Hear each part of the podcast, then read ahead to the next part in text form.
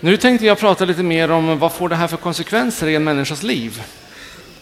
Det är en sak att kunna argumentera utifrån Bibeln, eller hur? Men en annan sak att sedan dra slutsatser som fungerar i det verkliga livet. Eh, som jag har nämnt tidigare, och som jag nämner igen, att jag tänker mig att eh, genom syndafallet så är alla människor skadade. Jag vet inte, skadade kanske låter konstigt, jag vet inte om det är ett bra ord. Eh, men tilltufsade eller lite, eh, ja, fått sig en törn. Eh, det vart inte riktigt så bra som, som det var tänkt från början. Synden har fått återverkningar i människors liv helt enkelt. Och det är klart att det också drabbar på sexualitetens område. Vi är skadade fast på olika sätt. Vi är inte kopior av varandra. Eh, och Sen har vi faktiskt också eh, en Gud som både kan och vill hela och upprätta oss människor. Jesus kom hit till jorden för att återställa relationen till Gud eh, och gav ett antal exempel på Guds helande kraft och makt genom sin gärning här på jorden. Gud kan och, och vill hela och upprätta. Eh, men då är det, tänker jag, viktigt att fundera på vad är helande för någonting egentligen, eller på djupet så att säga. Eh, helande kan ta sig många konkreta uttryck. Eh, och det här är ett sätt att, att sätta ord på det. Eh, jag vet inte om det är en fullständig beskrivning, men jag tycker att det eh, har varit en hjälp för mig att tänka kring helande på det viset att det är att bli helad från min självcentrering. Eh, för det är ofta det, som är mitt största problem som människa, att jag är så fokuserad på mig själv och mitt och mina svårigheter och min smärta. Och att bli helad till Kristuscentrering, att få vända på perspektivet att, att få, jag är relaterad till Jesus Kristus. Och när jag får vara med honom så på något vis, då är hans helhet det jag behöver eh, i min trasighet. Eh, och sen kan det också ta sig konkreta uttryck, att, att sjukdomar försvinner och, och så vidare. Men, men det stora hela är att jag får höra till Jesus, att jag får vara hans. Eh, och det stora helande undret ägde egentligen rum på, på Golgata när Jesus tog all vår synd, alla våra sjukdomar, allt vårt elände på sig och dog för vår skull och uppstod till ett nytt liv. Som vi får del av. Det är det stora helandet. Och det tror jag att vi behöver påminna oss om var och en. För det är så lätt att vi fastnar i vårt eget, grottar ner oss i vårt eget navelskådande, vår egen smärta, våra egna problem. Eh, för så fungerar vi människor. Eh, men att vi får hjälp att också se på Jesus mitt i alltihopa.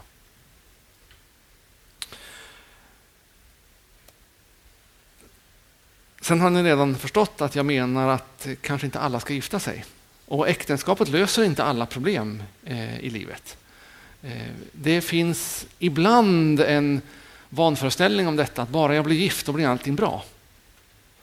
Eh, men det är faktiskt en lögn. Eh, för man har med sig sina problem också in i äktenskapet. Eh, och en del av dem kan man få hjälp med eh, eftersom man är gift. Eh, det kan underlätta att eh, hantera sina problem om man får göra det tillsammans med någon. Eh, men en del problem är inte sådana, utan de är minst lika närvarande även efter att man gift sig. Så äktenskapet löser inte alla sexuella problem. Ehm, så det är liksom, att gifta sig är inte liksom den, den universallösningen för sexuella problem. Eh, utan man får, får liksom lov att, att hantera dem ändå. Eh, och faktum är att alla kan inte gifta sig. Eh, det finns helt enkelt inte folk som räcker så att alla kan gifta sig. Eh, det går inte jämnt upp riktigt. Eh, och om, om, det, om det inte räcker med alla, alla andra argument vill säga, så, så, är det faktiskt så enkelt att det räcker inte till. Eh, men alldeles oavsett om man är gift eller singel så är man användbar och värdefull hos Gud. Och Man kan ägna mycket tid åt att liksom definiera och specificera olika problem och vad det nu kan bero på och så vidare. Men, men eh, oavsett det, om vi tar en genväg här, inte minst för att spara lite tid, så eh, den korta eh, lösningen är att du är användbar och älskad av Gud i den livssituation där du just nu befinner dig. Den behöver inte ändras eh, för att du ska duga för Gud. Sen vill Gud förvandla dig på alla möjliga sätt genom livet. Eh, men det är en annan sak. Och därför så vill jag prata lite vidare om det här som jag har antytt nu ett antal gånger med den stora fördelen och förmånen att få vara ensamstående eller singel. Eh, och ett av mina favoritkapitel i Bibeln eh, är första Korinthierbrevet 7. Det finns skäl för att vi måste lyfta upp celibatet Eh, som en möjlighet. Dels för att det finns väldigt många, i vårt land så är det väldigt många ensamhushåll. Och vi som kristna måste ha någonting att komma. Vi måste ha något att tänka kring utifrån Guds ord och utifrån en kristen tro. Vad, vad innebär det då att leva ensamstående? För alla människor är ju uppenbarligen inte gifta, eller hur? Eh, alla människor måste åtminstone kortare tider leva i sexuell avhållsamhet, även de som är gifta. Eh, och måste kunna hantera sin sexualitet när det äktenskapliga samlivet inte har möjlighet att få, få sina uttryck alla gånger. Eh, och Det kan ha många praktiska eh, eh, frågor. Det. Sen så är Bibeln faktiskt väldigt positiv till celibatet som, som grund. Så. Eh, Matteus 19 antyder en del av det, men första Korinthierbrevet 7 är ju verkligen en lovsång till singelskapet.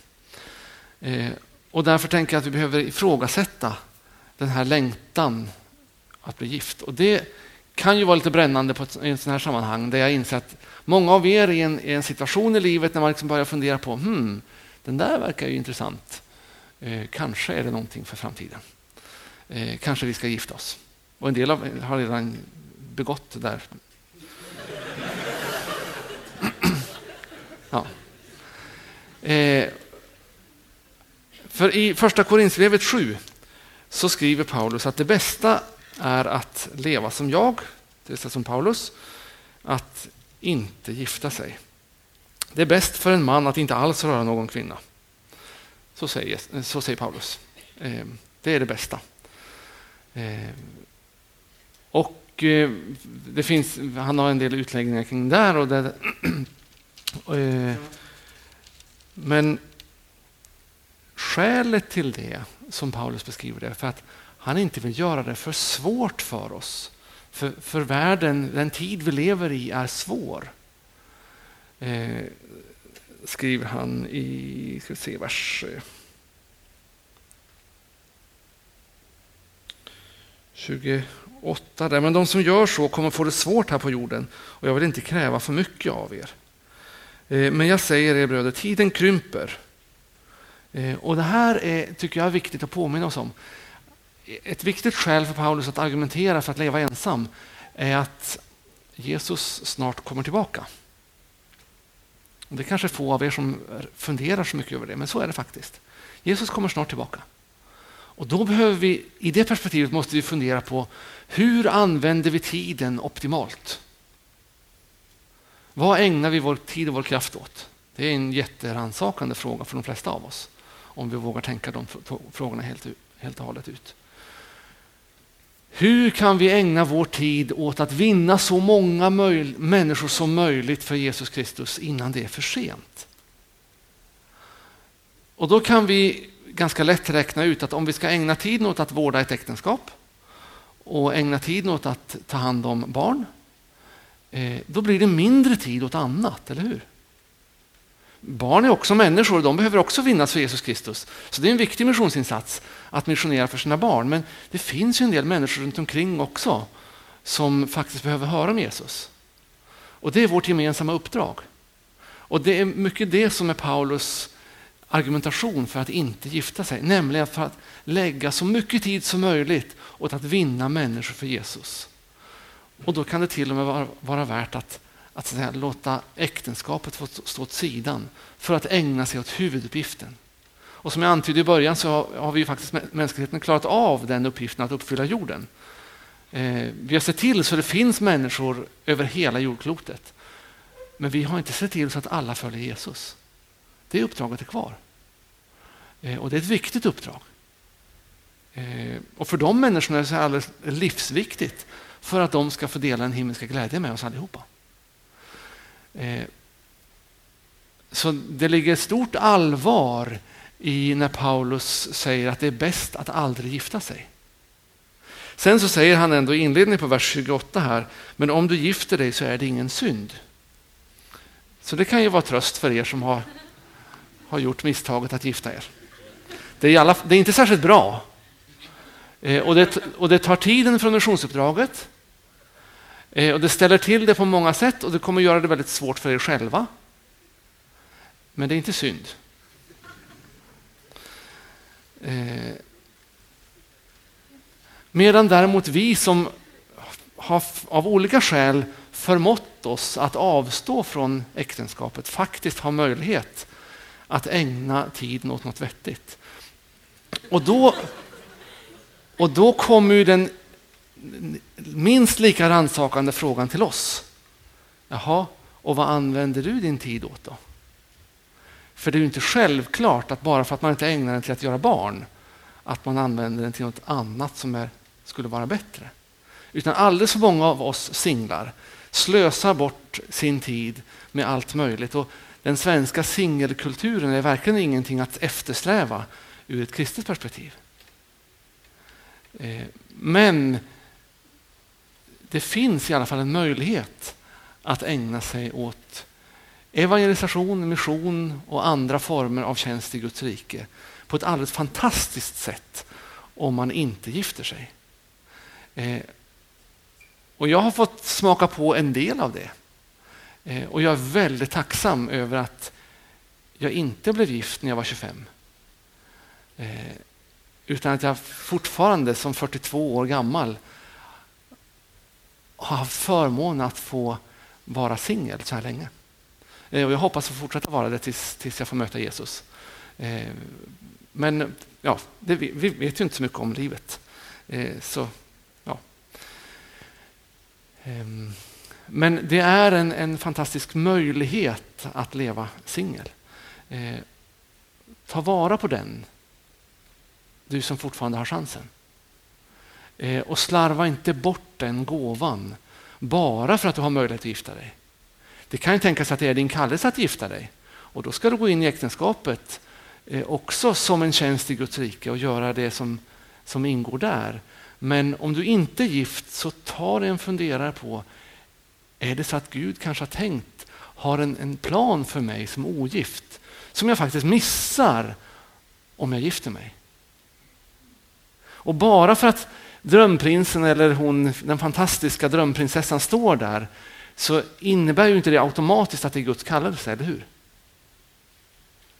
Utan jag tror att man behöver tänka den tanken separat en gång till. Gud, vad har du för plan för mitt liv? Det här kan ni också rätta till i efterhand ifall ni tycker att det inte passar i EDU-sammanhang.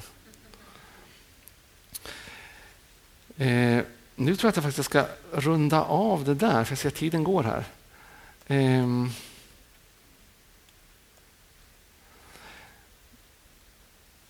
Idag så möter vi samhällsdebatten på olika sätt och ni möter frågor från människor. Hur, vad, vad står det i Bibeln om homosexualitet? Eller varför är kristna så trångsynta och så kärlekslösa och så ja, eh, diskriminerande och allt möjligt sånt där. Eh, för att kunna föra de, de samtalen på ett vettigt sätt så be, behöver man ha någon slags trygghet i sin egen tro och en förankring i Guds ord. Jag hoppas att det som jag har delat med mig här idag kan ha varit en hjälp till någon del i alla fall med den förankringen i Guds ord. Se vad står det egentligen? Vad finns det för förutsättningar att argumentera utifrån, utifrån bibelordet?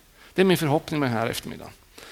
Men det räcker faktiskt inte att ha alla de rätta svaren utan man måste också kunna förmedla dem på ett sätt så att de förmedlar Jesus. För om vi med, vår diskussion, med våra diskussioner, våra argumentationer får människor att ta avstånd från Jesus, då har vi faktiskt inte vunnit någonting. Utan det vi alltid måste sträva efter är att argumentera på ett sådant sätt så att det väcker en längtan efter den där Jesus som faktiskt betyder allt för oss. Som faktiskt kan få en sån som mig att, att avstå från att leva i en sexuell relation. För det är faktiskt på grund av Jesus. Eller som kan få människor att faktiskt gå in i ett äktenskap med målet att leva i trohet hela livet och att uppfostra sina barn i en kristen, eh, kristen miljö och att bära, ge en kristen tro till barnen. Det är Jesus som, som driver oss till det, eller hur? Eh, och det måste alltid vara, bära med oss när vi, när vi diskuterar och när vi, när vi, hamnar, när vi blir liksom ställda mot väggen eh, i frågorna kring bland annat homosexualitet. Det är ju många andra frågor också som man kan bli kritiserad för som kristen, eller hur? Eh, och då tänker jag till exempel när det handlar om, jag får ju ibland, eller rätt ofta frågan då, hur kan, eh, Eh, hur kan du säga att Gud tar avstånd från kärlek? Jag har hört det ganska många. Just efter, efter att ha sagt ungefär, eller exakt samma sak som jag har sagt till er här idag, så kommer den, en av de första frågorna.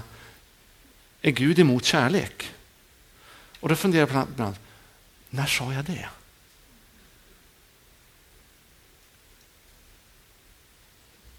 Jag vet inte, för det finns inte med i mitt manus nämligen.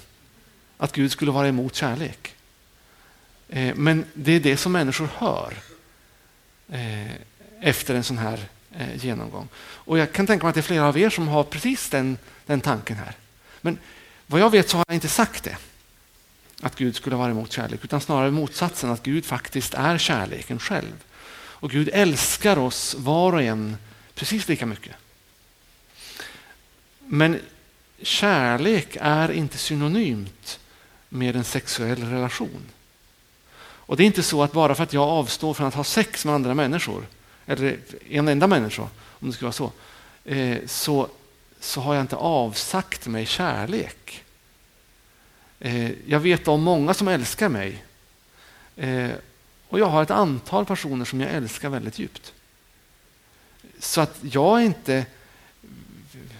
Alltså, det är inte så att jag är utan kärlek. Jag kan inte uttrycka det i en sexuell, sexuell relation, korrekt. Men det är inte så att jag är fråntagen möjligheten att älska. Eh, för kärlek kan uttryckas på så många olika sätt. Eh, och där tror jag i vår tid har vi blandat ihop begreppen väldigt mycket. Och därför tycker jag att kärlek är ett ganska besvärligt begrepp att prata om. För om kärlek automatiskt innebär att ha sex med en annan människa, då vet jag inte hur jag ska... Jag menar, vad, vad, är då, hur ska jag kunna uttrycka vad kärlek är, det jag tänker är kärlek? Förstår ni hur jag menar? Jag tror att vi behöver påminna oss om de här begreppen. Vad är, vad är kärlek för någonting? Och det yttersta, den det främsta exemplet på den största kärleken av alla är ju när Jesus kom hit till jorden och gav sig själv för oss. Det är kärlek i sin allra största, djupaste form. Och då är det ingen enda av oss som är fråntagen möjligheten till kärlek. För Jesus dog för oss alla. Eh, och vi kan alla få ta emot den kärleken. Sen så kan vi uttrycka kärlek på många olika sätt, bland annat i en sexuell relation, i ett äktenskap. Visst. Eh, och det tänker jag är inte för alla. Och att ha sex är ingen mänsklig rättighet. Inte heller att gifta sig.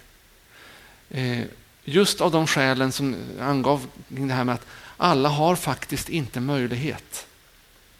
Eh, många av oss skulle kunna ha en möjlighet om vi liksom verkligen gick in för det. Men det är inte, man kan inte göra till en allmän regel att, det, att alla har rättighet att gifta sig. Utan äktenskapet som Bibeln beskriver det är ju då tänkt för relationen mellan man och kvinna.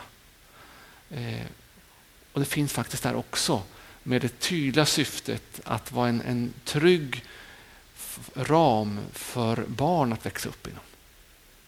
Eh, barnperspektivet är en del av, av Bibelns syn på äktenskapet. Det vill säga att man och kvinna förenas till ett kött för att det ska kunna skapas nytt liv. Att en ny människa ska kunna växa upp under så trygga och stabila omständigheter som det bara är möjligt i den här trasiga och förvirrade världen. Så, så där kan man fundera kring, det här, kring frågorna kring hur möter vi de, de människor som tycker att det här är ja, men jag, har, jag har väl också rätt att älska vem jag vill. Ja, visst har du det. Ehm, men eh, som kristen behöver jag inte uttrycka min kärlek i en sexuell relation i första hand. Eh, och Det är också för att Gud faktiskt ser på kroppen som värdefull och helig och den ska inte användas till vad som helst och hur som helst. Men det är ju en utmaning för alla kristna och inte bara för oss som, som bär på homosexuella känslor. Eh, vi var och en måste ju hantera våra kroppar så att vi ärar Gud med vår kropp. Eh, och det är inte så enkelt alla gånger. Eh, och det sker inte automatiskt genom att avstå från sex heller ska jag säga. Det finns många andra utmaningar med att hantera vår kropp. Eh, när man inte motionerar tillräckligt mycket utan ser att kilorna faktiskt långsamt tickar uppåt. Liksom. Och när man inser att man borde, men inte kommer sig för. Ja, det var dagens lilla bekännelse. Men det kanske finns fler som brottas med olika frågor som har med kroppen att göra. Eh, det är en av de, det här med alltså, min rätt till, till eh, att älska. Det är en av de frågor som brukar dyka upp. Eh, nu har jag hållit på så att klockan snart är fem här. Och det är liksom deadline för, för den här sessionen. Jag inser utmaningen med att öppna för någon slags frågestund med 200 pers. Så det är inte så, så enkelt. Eh, men eh, jag tänker att det kanske finns någon fråga som känner att det här måste jag få ställa. För annars blir det liksom kaos i huvudet på mig här. Eh, så, och då kan vi tänka, kan det här vara en fråga som kanske fler funderar över? Eller det här är min lilla privata fråga så kan vi ta den efteråt. Men har du någon fråga som du tänker, det här skulle fler behöva få, få svar på? Så kan vi väl ta den slags frågor nu. Varsågoda. Ja?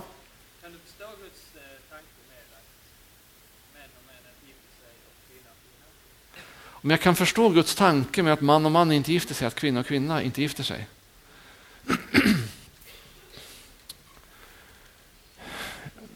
Jag tycker att det är förmätet att påstå att jag skulle förstå Guds tanke för det första.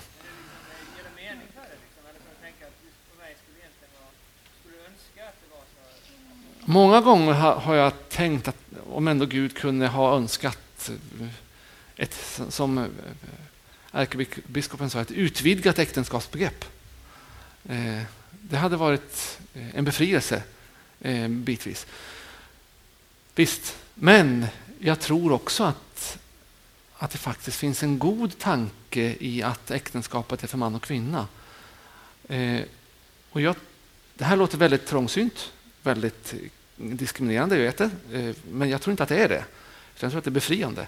Jag tror att det blir inte samma sak med två män som lever i en relation eller två kvinnor som lever i en relation. Det är något som fattas där.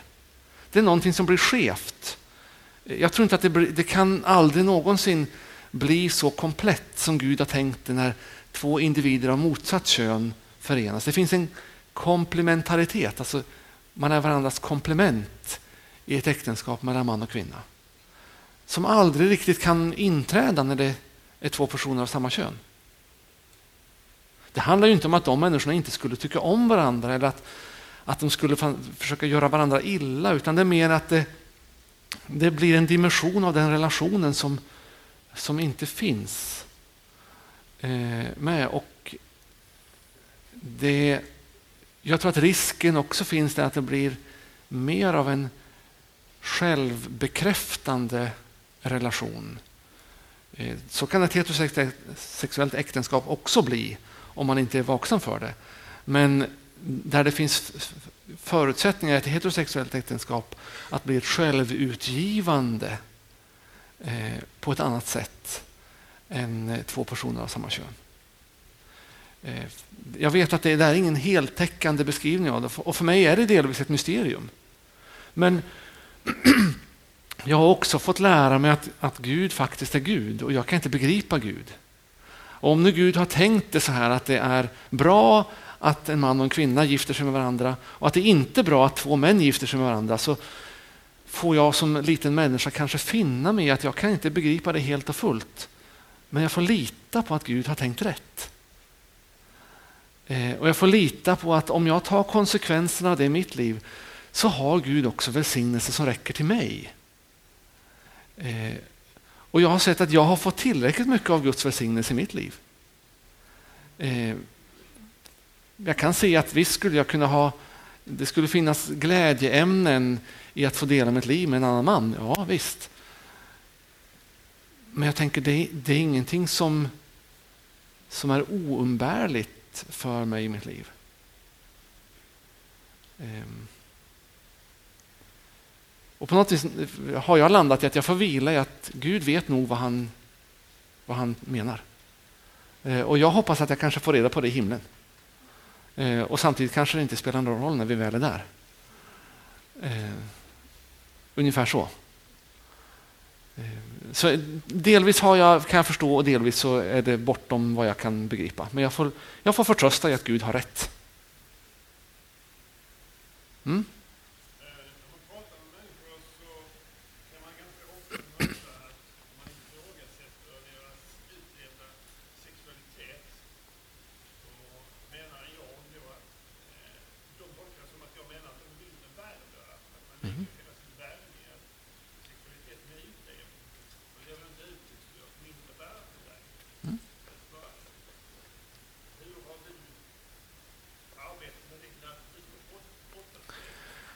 Jag är så lyckligt lottad att jag har fått upptäcka att min sexualitet är inte min djupaste identitet.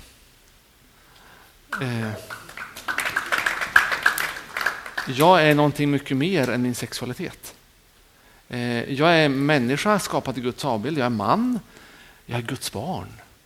Jag är medborgare i himmelriket. Det är mycket mer min identitet än vad min sexualitet är. Men det är inte alla som har det privilegiet att få upptäcka det.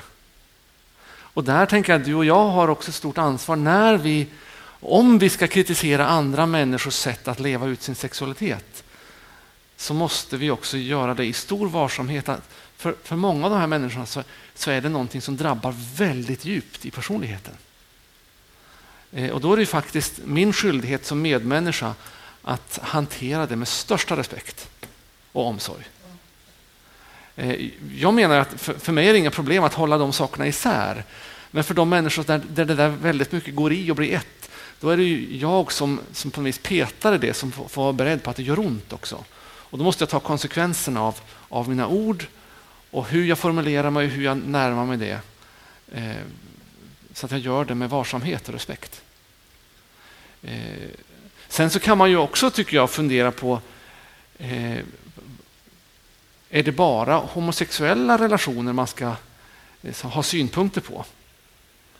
Eh, jag vet många äktenskap där det förekommer eh, felaktigheter. Eller där det, liksom, där det inte fungerar riktigt. De kan också behöva hjälp och kanske någon part kan behöva en rejäl åthutning. Men det är vi väldigt mycket mer försiktiga med.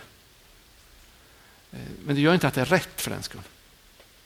Så jag tycker man ska akta sig för att bli för mycket av farisé och peta på folks eh, hur de väljer att leva sina liv. Men att på ett varsamt och ödmjukt sätt samtala om det är ju min erfarenhet att det faktiskt är möjligt. Eh, men det ställer stora krav på dig och mig som har synpunkter att faktiskt göra det på ett, på ett omsorgsfullt sätt. Eh. Jag tror att man ska vara medveten om det. Och Många gånger så handlar det om människor som själva har, har fått uppleva väldigt mycket av fördömelse och utanförskap och kritik redan. Eh, och Det är inte så lätt att utifrån den situationen då ta ytterligare någon som ska komma och tala om för mig hur jag borde, borde leva. Eh, och därför så är det oftast klokt att börja någon annan ände i samtalet. Eh, så när man har byggt upp ett förtroende och man kan prata om allt möjligt, då kan man komma till de frågorna också. Men jag, eh, jag brottas också med det, för, för samtidigt så vill jag ju också visa människor på att det finns en möjlighet till något annat. Mm. Nu är klockan fem. Eh, nu är det ingen stress idag. Här, det finns flera frågor. Det regnar ganska mycket ute. Eh, men om det är någon som känner att nu har jag fått nog så kan ni i så fall känna er fria att gå, tänker jag. Eh, men eh, jag kan gärna vara kvar och föra ett samtal en stund till. Eh, det kanske finns någon fler fråga? Ja.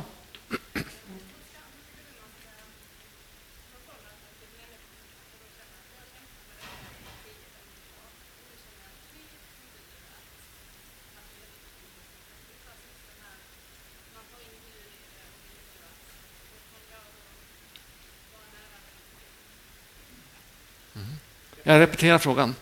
Hur, hur tänker jag kring människor som till exempel 10-15 år sa du, har brottats med det här och till slut kommer till någon slags ståndpunkt att nu har jag frid med Gud att leva i en relation med en person av samma kön. Hur kan jag som vän eller i, i, omkring förhålla mig till det? Var det visst var det frågan? Um, ja, det är ju verkligheten för, för många människor att det är så.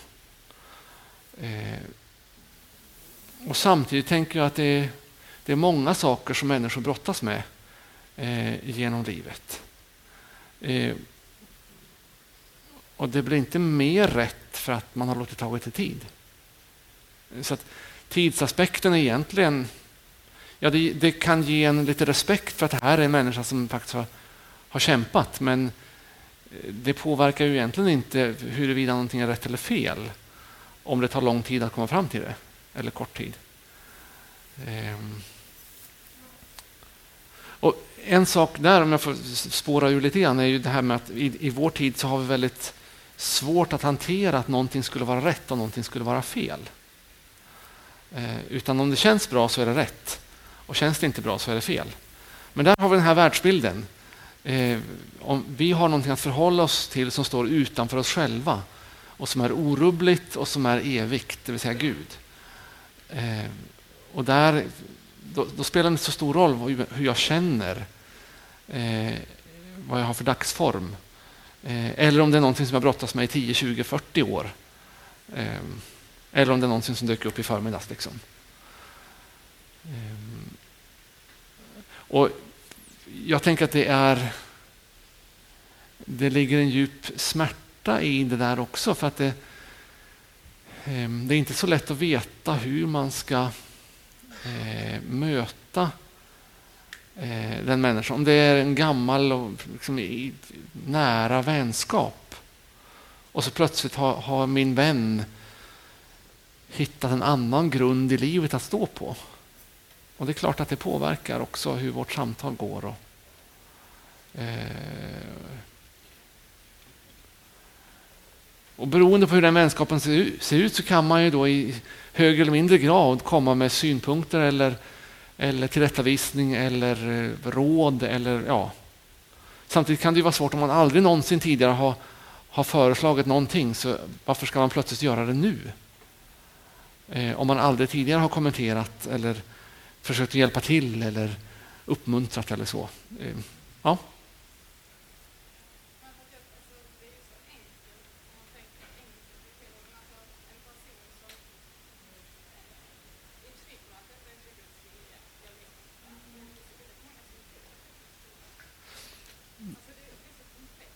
Det är väldigt komplext. Det, jag inser att det, för, det, låter väldigt enkelt när jag presenterar det här. Eh, eh, och för mig så har det fått ganska tydliga konsekvenser i mitt liv. Och så är det inte för alla. Eh, och det vet vi. Eh, samtidigt så tycker jag ibland att i den, den kristna debatten som har varit så menar jag att man har gjort de... Att hålla isär Den teologiska diskussionen vad som är rätt och fel eh, och vad som står i Guds ord och så vidare är en sak. Och en annan sak, hur möter vi människor som lever med verkligheten? Det är två separata frågor som alldeles för ofta blandas ihop på en gång. Eh, och där menar jag att den... Eh, och så säger man att det här är en svår fråga. Ja, det är en svår fråga om vi blandar ihop det. Eh, om vi håller isär det här tydligt och, och, och resonerar kring de teologiska frågorna först så menar jag att det är ganska enkelt för Bibeln är väldigt tydlig med de här sakerna. Det, det, som är komplicerat är hur vi möter människor och hur vi hanterar den, den praktiska, eh, verkliga situationen, relationer, möten med människor. Men det är inte schysst teologiskt sett att säga att det här är en komplicerad teologisk fråga. För det menar jag att det är det faktiskt inte. Utan det är ganska tydligt i, i Guds ord eh, vad som står. Och Det tycker jag är intressant när Svenska kyrkans teologiska kommitté 2004 presenterade ett så kallat samtalsdokument för att prata just om homosexualitet och, och äktenskap. Så sa, uttalade sig hela den kommittén att eh, Bibeln är entydig vad den menar med eh, det som är Bibelns definition av homosexualitet.